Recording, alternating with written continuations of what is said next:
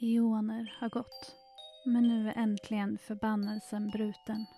Tracy, Megan, Lilith är död och jag kan äntligen vakna ur min slummer från vakenskapet. Jag, Rada, är fri från min förbannelse och kan nu äntligen återförenas med mina systrar. Om jag bara kan finna dem. Mitt namn är Mia Gibson och jag tar rollen av den uråldriga Rada. Detta är mitt sista soloäventyr. Välkommen till den tredje och sista säsongen av Begravd. Sanden trycker sig ned över dig och du känner sakta hur den nästan krossar dig. Rada, du kommer att dö nu om du inte gör någonting. Uh, mina första tankar är nej, nej, nej, nej, inte igen, inte igen. Men sen känner jag, jag rör lite på mig, jag känner sanden som uh, rinner mellan mina fingrar när jag försöker komma någonstans. Och instinktivt så försöker jag dra ett andetag men det är någonting som uh, känns bekant här och jag inser att jag kanske inte behöver andas. Nej, du känner i sinnet, nej, du behöver inte andas. Det var Tracy som behövde andas. Du behöver inte andas, Rada. Nej, jag är rädd. och den här sanden, den, eh, den fyller mig med en eh, känsla som jag inte har känt på många, många år. En, en obeskrivlig lycka och eh, lättnad och jag, jag jublar inombords. Jag är tillbaka, jag är tillbaka. Jag börjar gräva mig upp av uh, ren och skär lycka. Liksom. Jag är här, jag är tillbaka igen. Och jag gräver mig upp utan att bry mig om att andas. Jag, det är ingen fara liksom. Jag känner ett stort lugn inom mig och jag bara försöker ta mig upp. Och när man inte behöver andas så finns det inte längre någon skräck för att dö. När man befinner sig begravd i den röda sanden så är det inte lika kompakt som jorden.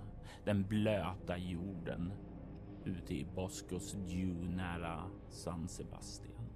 Det är ett frigörande moment att gräva sig uppåt.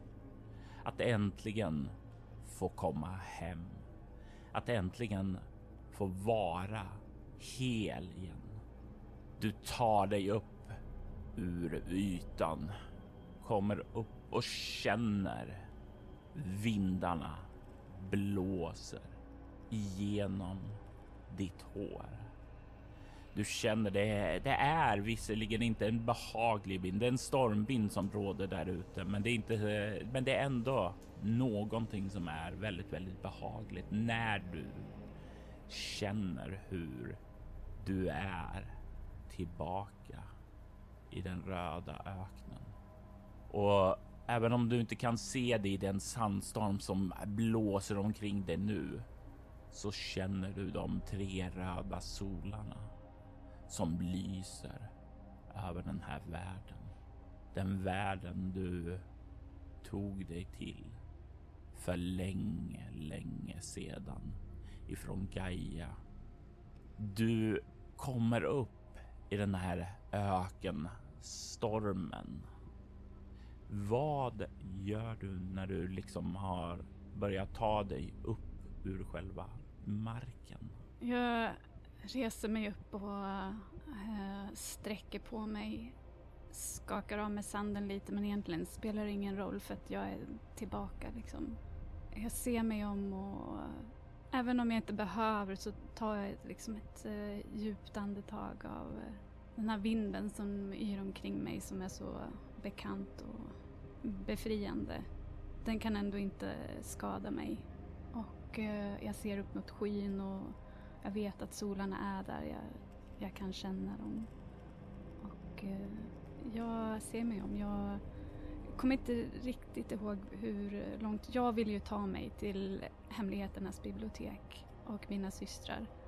Det är där jag hör hemma men jag har jag någon koll på ungefär hur långt det är dit liksom?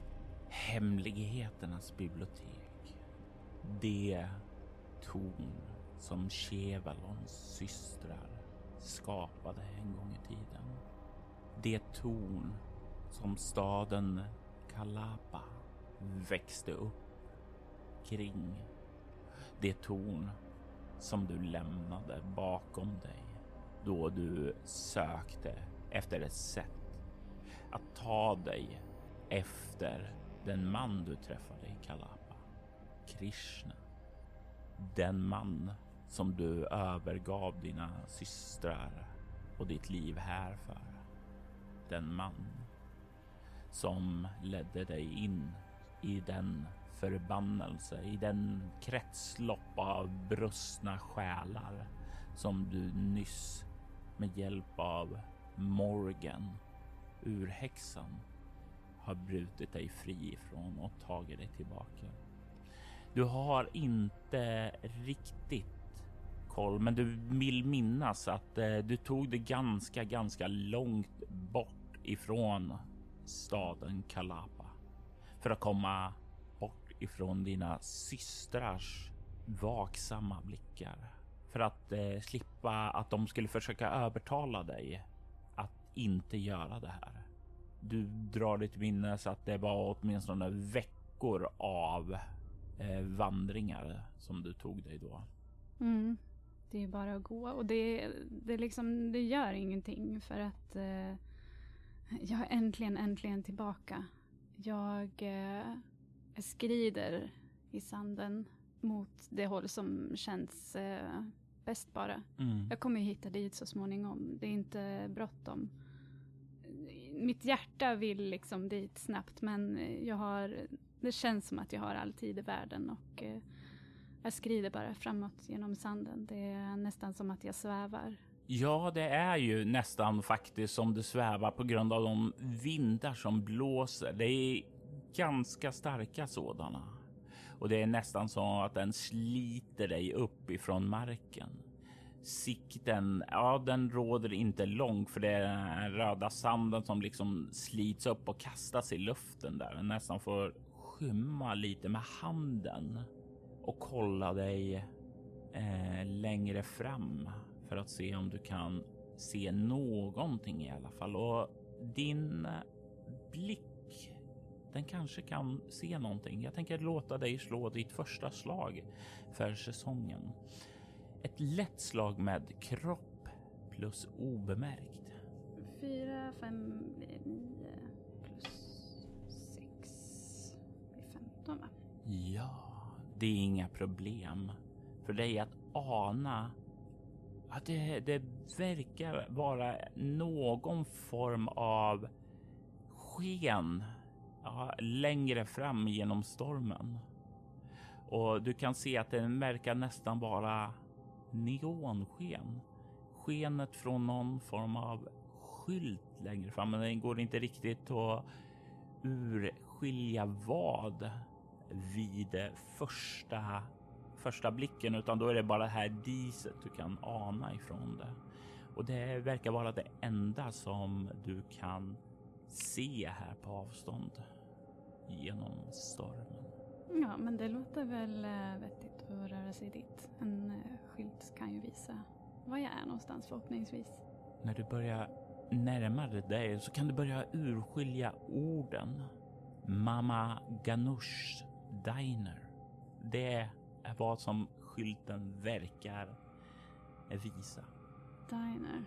Mm. Och tänk dig det lite grann det här klassiska amerikanska 50-tals diner-stuket eh, på skylten också. Ja, men eh, där kan jag ju säkert eh, fråga om vägen. Ja, är det liksom en pil liksom eller? Eller är det liksom en riktning? Så? Det, det, nej, det tänkte en sån här stor skylt som finns så här. Om du, om det här skulle vara en väg du åker så är det den här stora road signen som här, sväng in här för att få lite comfort. Ja, men då, jag letar rätt på den här eh, dinen såklart. Eh, där kan det ju finnas lite eh, folk och varelser att, eh, att fråga om vägen. Du börjar komma närmare skylten och då kan du genom sanden ana då, den här lilla dinen. Och det är verkligen en 50-talsdiner där. Du passerar förbi skylten och börjar komma närmare och du kan höra musik där inifrån. Musik som verkar spelas inne på dinen. Det är för en kort stund någonting, ja, som om du får en känsla av déjà vu. Déjà vu från en annan livstid när du hör musiken spelas i bakgrunden. Du ser att det verkar, ja, från siluetterna där inne, att det verkar vara, ja, kanske inte mycket folk, men det verkar vara en del folk där. Det verkar vara någon som har varit framme och hämtat kaffe och vara på väg tillbaka till sin eh, lilla bås där. Och du kommer fram till själva dörren och kan skjuta upp den. Mia, skulle du kunna beskriva vem det är de ser kliva in där? Hur ser Rada ut? Uh, Rada är väldigt högrest. Det är väl det första man lägger märke till. Det är nog inte ovanligt här, men uh, högrest, lång. Uh, över två meter. Ja, och du kommer vara betydligt längre än de andra som är här inne, så du är det är det första definitivt som man lägger märke till. Dig. Och även i den här världen så är ju jag ändå säkert anmärkningsvärd. Eh, jag har långt, eh, långt svart hår som eh, flödar ner på eh, ryggen, eh, mörka ögon eh, och ser väldigt trygg och självsäker ut liksom. Och slående på något vis. Och särskilt då kanske om man jämför med de som sitter här inne. jag har också en vit, en vit klänning på min dräkt i långa svepande tyger med ett eh, rutmönster, eh, ett uh, diamantrutmönster liksom. Ja, jag sticker nog ut lite på en diner även i det här landet. ja, och när du kliver in då också så är det ju all den här sanden som har fastnat i klänningen. Det är liksom, det rinner ju av samtidigt som du skrider in där. När du kollar dig in här över så ser du ju hur det blir så här nästan helt tyst i dinen. Hur de alla vänder sig sin blick och kollar mot dig. Och det verkar, vad du kan se, vara fem personer här. Du kan se en äldre, eh, ganska rundlagd och ett, eh, med ett ganska fryntlig utseende som står bakom dinen. Då, en äldre kvinna eh, som verkar vara den som äger eh, den eller åtminstone den som sköter den. Kanske den beryktade eh, mamma Ganush. Och det är väl hon som håller kvar blicken lite mot dig och ler vänligt. De andra eh, som är här, gästerna på kaféet däremot, verkar vrida bort sina blickar och återgå till vad de pysslar med. En man har ja, lite kort krulligt hår, glasögon och liksom små sådana här svarta öronpiercing så han sitter och röker på en pipa och han sitter, måste vara han som har varit och hämtat sitt kaffe där för eh, han har en rykande kopp java i sin hand. Och han verkar återvända till någon form av grubblande. Du kan även se en man, kanske har någon form av asiatiskt påbrå. Går svårt att säga eh, exakt varifrån för det är som sagt var en man som du tycker, ja, han känns som han är hemma här medan den andra mannen, han hör nog inte hemma här egentligen. Han kommer nog från den plats du var i under din förbannelse. Den plats som kallas för Gaia. För det är ju som så du kallar ju inte det för det här världen, för drömlandskapet som människorna på Gaia gör. För det här är ju en egen värld. En riktig värld.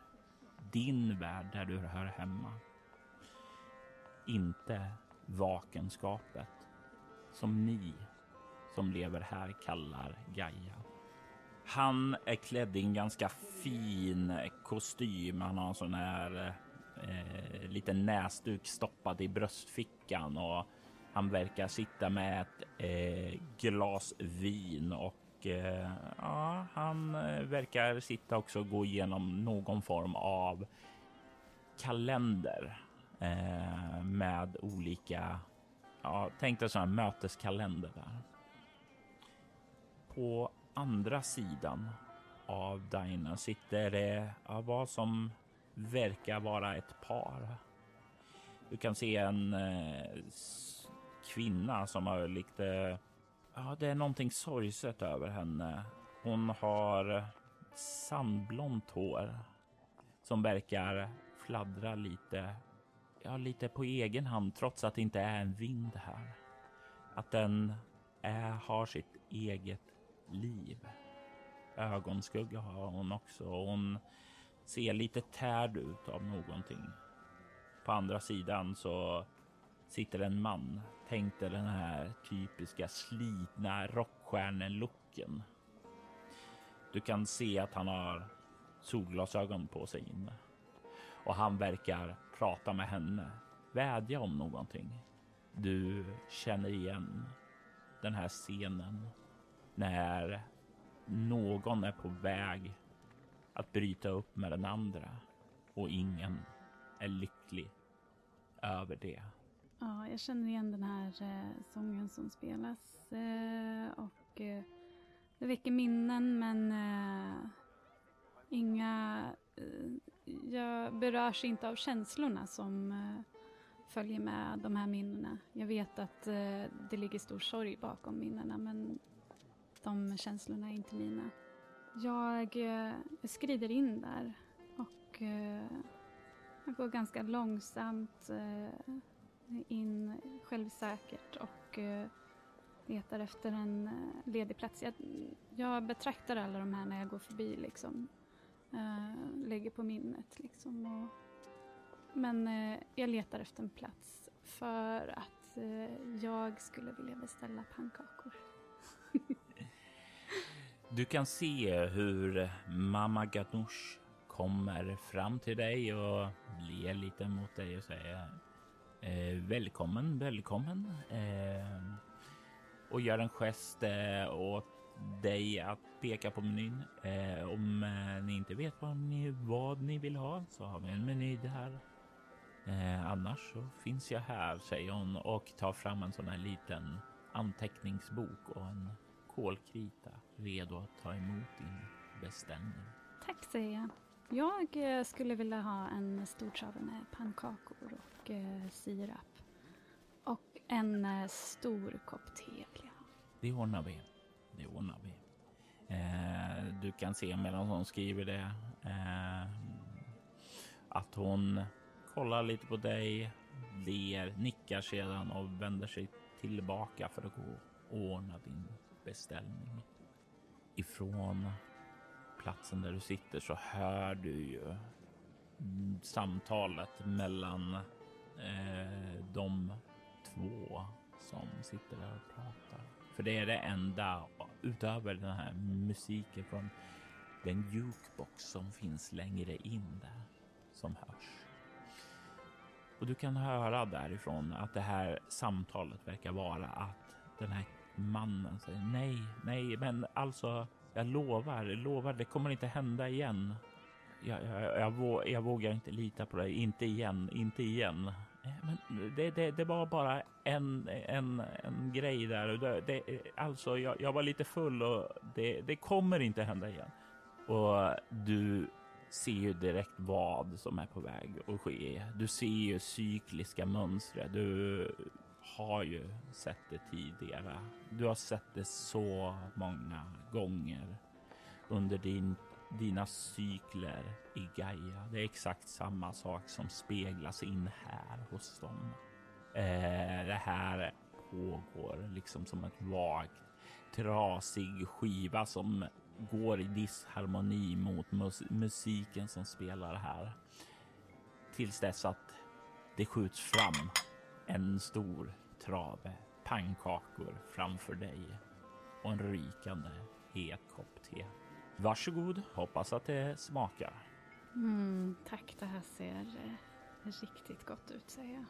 Jag blir distraherad här. Jag tar en tugga liksom, av pannkakorna men jag tittar fortfarande tillbaka på det här paret för att jag, kan, jag kanske har fått lite smak för att bryta onda cirklar nu.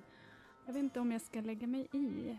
Jag har ju på något sätt eh, kraften att eh, göra det och jag har, ja, det är ju deras sak men eh, jag tittar på den här kvinnan och känner med henne. Jag har sett det här förut, jag har levt det här så många gånger.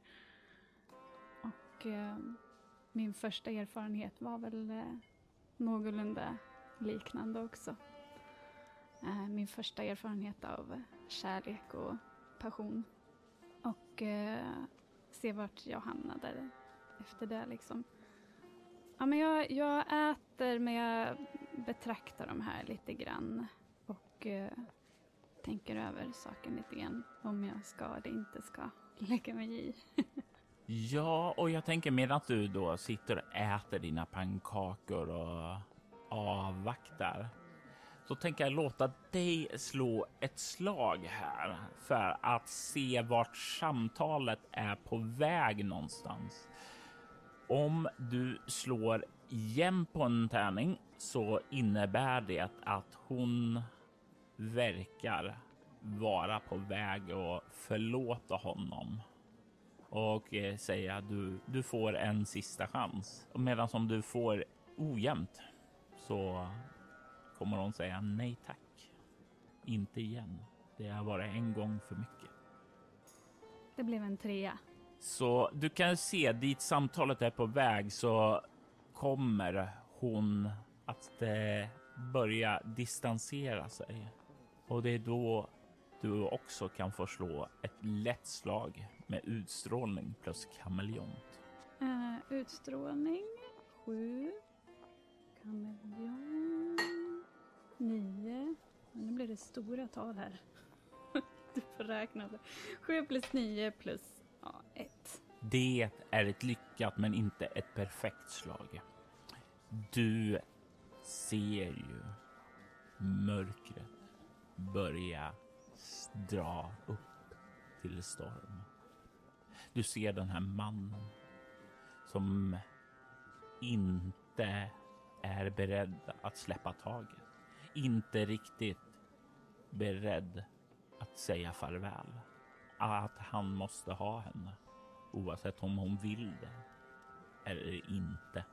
Vad går igenom dina tankar när du kommer ungefär två tredjedelar av pannkakorna och du ser den här stormen är på väg att blåsa upp. Jag eh, lägger lugnt ner mina bestick på bordet. Jag reser mig långsamt upp. Ja, men nästan att jag försöker göra mig lite större än vad jag liksom ser ut. Eller jag liksom understryker min storlek med min kropp liksom. Ja, för du är betydligt mycket resligare än alla här och när de dessutom sitter så är du ju verkligen som ett torn. Mm. Eh, du är ju eh, över 2,20 till och med. Uh, sitter de nära liksom? Det är upp till dig. Uh, det är ju du som har valt var du slår ja, dig ner. Ja, precis. Jag tänker att de sitter snett, eh, snett mitt emot mig över gången, liksom, en bit fram. Så jag tänker att det är ändå... Jag sitter liksom så jag möter mannens blick. Och eh, när jag reser mig så håller jag håller blicken på honom. Eh, eller jag, jag lite så försöker fånga hans blick i alla fall. Han kanske, han kanske tittar på henne. Men eh, jag försöker fånga hans blick om du reser dig upp och liksom ja, tonar upp så tror jag definitivt du har fångat hans blick. Ja. Och jag kliver ut från mitt eh, bås där och rör mig eh, långsamt eh, framåt längs eh, mittgången där. Så lägger jag en hand på hans axel och säger det är nog bäst om du släpper det här. Du kan få slå ett ett eh, mycket svårt slag med utstrålning plus interaktion, för han är besatt vid henne. Och han är inte den som bara släpper det här om någon kommer att säga till honom. Även om hon är en stor och väldigt kraftfull närvaro i omgivningen omkring honom. Jag tittar lite på specialiseringen. om det finns någon som passar här. Övertyga. Nej. Tu man hand. Ja, men jag skulle nog kunna säga att det här är tu man hand. Det är ju, eh, det är ju två. Mellan och mig nu. Ja, ja nej, men precis. Det är inte hela dinern som är involverat där. Så vilken specialisering? Övertyga mm. heter den. Eh, två tärningar på alla försök att övertyga andra om hennes sak. Mm. Ja, min sak är ju att eh, han ska släppa det här liksom. Det är det jag vill. Vad sa du för... Eh, Utstrålning plus interaktion. Utstrålning 7, interaktion 7. 14. Och två tärningar. Plus 4 plus 3. 18, 21. Det är ju mycket svårt att övertyga en man som är besatt vid ägandeskap över andra. Men Rada är inte vem som helst. Hon vet hur man lägger fram ett budskap. Hur man framhäver sin fulla styrka, sin fulla närvaro bakom varje ord. Du känner hur han under eh, din beröring där, hur hans axel liksom sjunker ned lite och han kollar upp emot dig och den andra handen liksom tar och rättar till glasögonen lite och han, han verkar liksom luta sig lite tillbaka och kollar upp mot dig och säger ja, du kanske, du kanske har rätt. Mm. Hon, hon är ju inte värd det och uh, säger han och liksom bara rycker till det bara för att spara någon form av stolthet hos sig själv där att det, det här är hans val. Det, det, det är han som gör det här. Det, det, då, då är det okej. Okay. Du kan se han eh, rycker till och sen så börjar han hasa sig ut där för att gå ut ifrån båset. Mm. Om du låter honom göra det. Ja, innan när jag låter honom göra det så ser jag honom stint i ögonen och säger bara jag tror snarare att det är så att hon är värd bättre. Han sjunker ju ihop där lite grann där som om den här värdigheten eh, som han velat ha eh, liksom bara pyser ut och han tar och stoppar handen i fickorna och drar fram några skimrande, ja, ser ut som några skimrande stenar. Du drar dig till minnes det här för du har ju sett dem förut. Alltså det är, ju... nu vet jag inte varför han tar fram dem och slänger dem eh, nonchalant på bordet. Men du har ju sett skimmerstenar. Alltså det fanns ju här när du anlände hit. Det var ju saker och ting som fanns i naturen. Eh, ingenting konstigt där. Tänk dig ungefär som på Gaia, att det var ja, lite grus som han liksom tar och slänger upp på bordet. Där. Men här används det som valuta? Eller? Att du får en känsla som det och det gjorde det inte tidigare. Eh, mm. Så det är någonting nytt. Han slänger dem och sen så drar han åt sin jacka lite grann och sen så skyndar han ja, moloket ut härifrån och du kan se hur kvinnan kollar och nickar mot dig och säger tack, tack. Mitt namn, Madame Sanahari. Eh, tack för hjälpen. Det var så lite, säger jag. Eh, jag ber om ursäkt att jag kom och la mig i, men eh, det kändes som en eh, ja, en eh, minst sagt eh, explosiv situation här. Jag, jag kunde inte låta det fortgå om du, om du ursäktar mig. Ingen, ingen ursäkt behövs. Det, det är alltså mitt och eh, Cici Rixis eh, förhållande. Det har alltid varit stormigt där. Alltså, men alltså jag orkar inte längre. Jag orkar inte och det är det var bara, var bara skönt. Jag ser henne i ögonen och lägger en uh, varm hand och jag ser med stor uh, förståelse och empati på henne och säger att men det är över nu. Vi behöver inte tänka på honom mer, något mer säger jag. Får jag slå mig ner? Absolut, absolut. Eh, ni är så välkommen så. Det är ju minsta jag kan göra. Eh, väldigt, väldigt fin klänning säger hon och kollar på den. Jag har inte sett det modet tidigare. Jag tittar på en, eh, ner på själv och säger äsch, den här gamla trasan och ler. Eh, eh, men sen, jag tror jag går och hämtar min kopp och mina pannkakor i alla fall och Mm. så slår jag mig ner hos henne.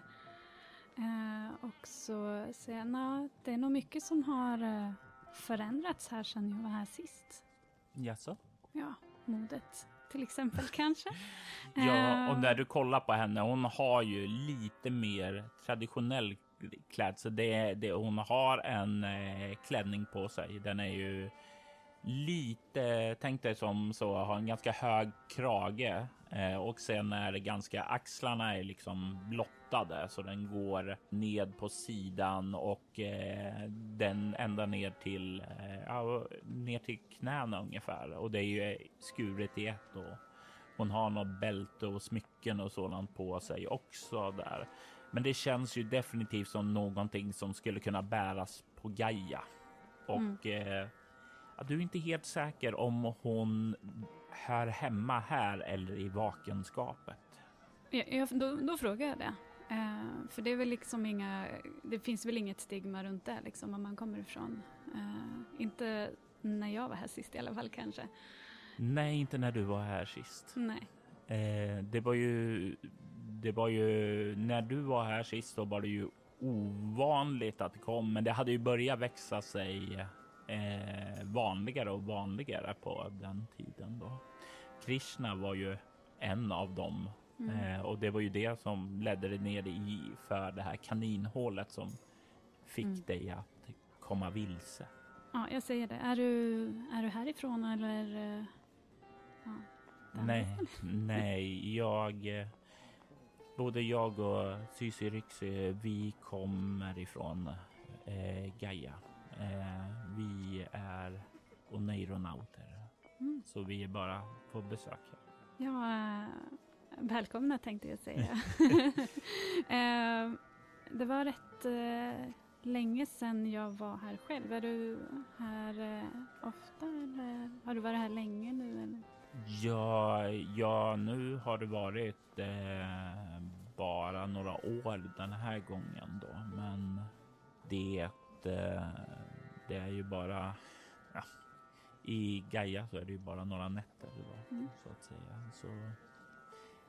Men jag gillar, jag gillar ambiansen, atmosfären. Det är en helt annan miljö här och jag måste ju dessutom säga att eh, eh, Mama Ganoush Java, det, det är ju någonting med det som inte går att få på Gaia. Mm, nej, jag är mer en teperson men jag har nog jag har eh, saknat teet här. Ja, Jag, jag dricker absolut te i Gaia för eh, där är det ju överlägset kaffet. Då. Men Mm. just här, här så dricker jag Java. Det mer. Det är mer. Det är bara mer än det är på Gaia. Starkare, mer färggrann, mer färgrikt. Men det, det är jag säker på att jag inte behöver säga det för dig som har varit på båda platserna.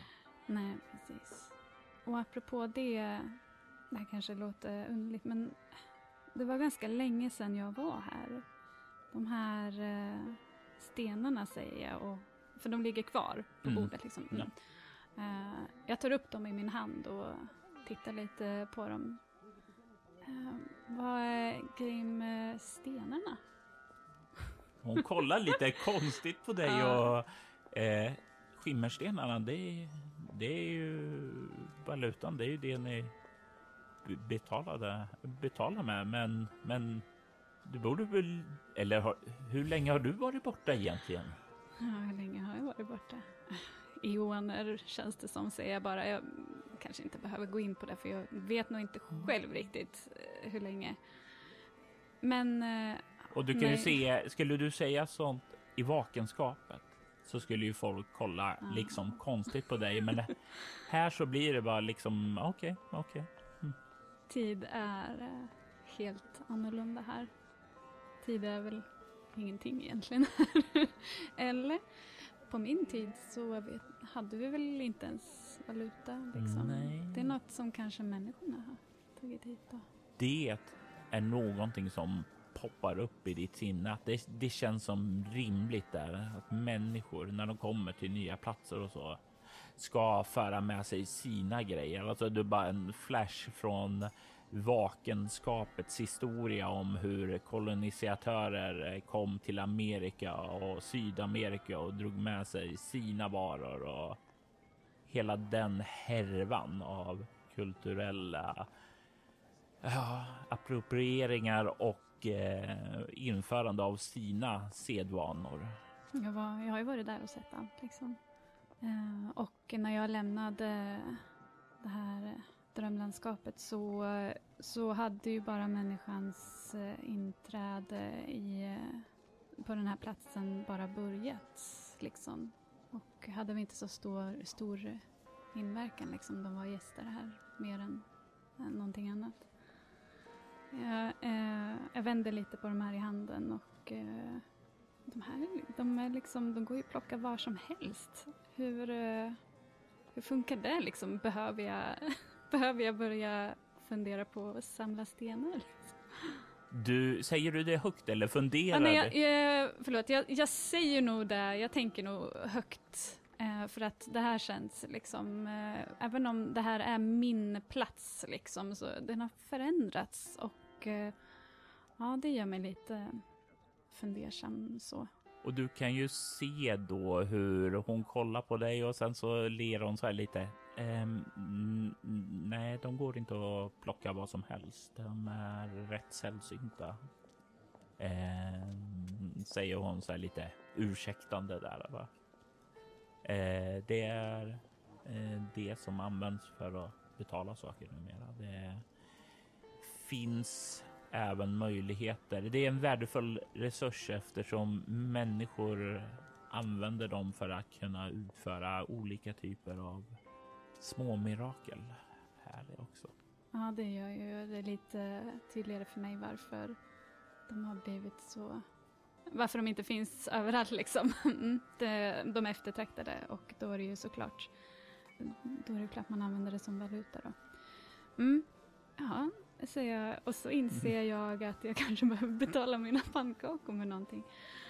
Eh, åh, vad, jag var så självsäker nyss liksom, på min plats. Och så säger jag Ehm, var, hur, hur kan jag få tag på lite stenar?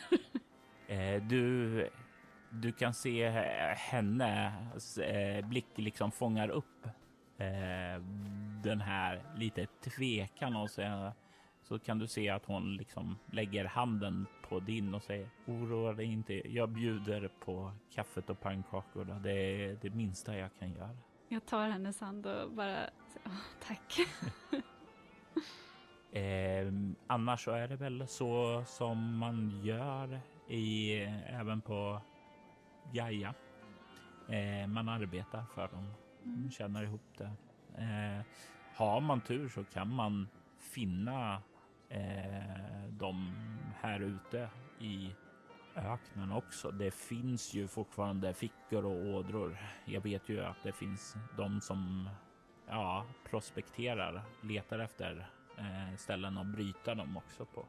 Men eh, ja, jag vet inte. Det, det är ju inget direkt eh, guldrush här som i Klondike längre där, men det var ju längre tillbaka så gick det ju en sådan här fast då efter skimmerstenar. Det gör mig lite, den här igenkänningen liksom av exploateringen av ny mark liksom gör mig lite, lite nedstämd och så. Men sen inser jag också att jag, jag behöver ju inte äta liksom. Inte egentligen. Nej, du, din kropp tillhör ju den första riktiga generationen. Den som Sa Ansari skapade i kriget, i det stora kriget, det första kriget mot demonerna. när de drev dem tillbaka från Gaias vidder. Och de var skapta för kampen. De var skapta för ett syfte. Och i det syftet fanns inte det saker som att äta, sova eller andas. Det var inte behov av det. Det var först efter att kommande generationer ifrån er, efter fallet av mänskligheten, som de här sakerna börjar komma. Men du härstammar ju från den första generationen och därmed så är du fri från de behoven. Precis, så det ska väl kanske inte vara några större problem tänker jag. Eh, jag klarar mig. Men det är gott med pannkakor. Eh, Ja. jag kan uppskatta mänsklighetens eh, Bättre kök. sidor. Liksom. Ja, precis. Ja, det finns eh, många goda sidor. Det var ju det som lockade mig till, tillbaka till Gaia också lite grann. Och det var det som lockade mig med Krishna. Hans eh, mänsklighet liksom. Ja, jag skrattar lite och rycker på axlarna. Ja, den här världen har verkligen förändrats mycket sedan jag var här sist. Säg mig, jag försöker ta mig tillbaka till Kalapa. Eh, är det långt härifrån?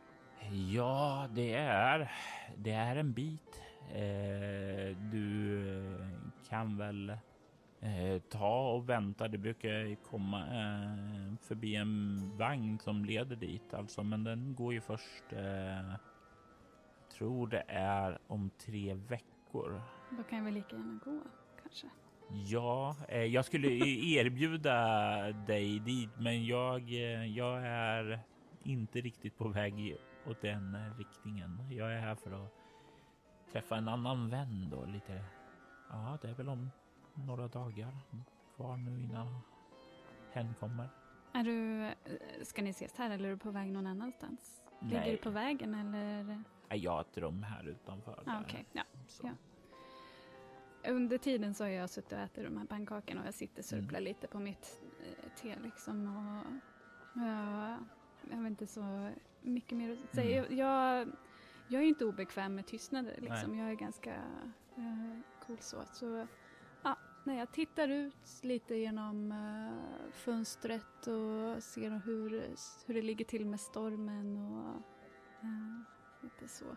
Jag vill att du slår ett motståndsslag med kropp plus stridsvana. Nämen. Eh, kropp 4, stridsvana 2. Eh, 6 plus 5 blir 11 och jag slår en etta, vilket innebär att du kan faktiskt lägga märke till när du kikar ut att eh, ute där i stormen som fortfarande pågår så kan du se att det verkar vara några skepnader, konturer av några personer som är på väg hit. Kanske tre eller fyra stycken. Och det i sig är väl kanske inte så konstigt. Men du kan se att åtminstone ett par av de här verkar bära på någonting, någonting avlångt. Och du är nog rätt säker på att skepnaden på det där tyder på att det är gevär som de bär på. Curious. Uh, kan jag se vad det är för uh, typ av... Är det liksom är det mer människoformer eller är det någonting annat? Eller är det eh, mina tankar när jag tänker på vapen du kanske dras åt de här eh, lilinerna? Nej, du skulle nog inte säga lilinerna. Lilinerna är ju de dominerande kulturer, eller var det i alla fall på din tid. Där. Huruvida det är nu, det är ju fortfarande oklart. Men få har faktiskt sett en lilin, utan lilinerna är ju varelser som saknar utseende. De tar sig snarare utseende. Det är sådana som har satt saker och ting i andra sinnen de här mardrömsskapelserna av The Ancient One som Lovecraft eh, skrev om.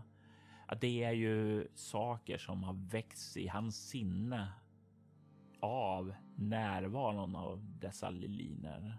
Så de är onämnbara faser som eh, med sina escherska mönster sätter vansinne i andras huvuden.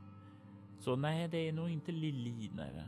Men du skulle nog definitivt säga att det där skulle kunna vara människor, för de är ungefär i den storleksformen och de är humanoida och sättet de rör sig på känns väldigt, väldigt mänskligt. Mm, Okej. Okay. Ja, när jag slog bort den här tanken om lilinerna ganska snabbt då eftersom jag, eh, jag känner ju igen dem liksom. Men eh, de var ju rätt krigiska av sig.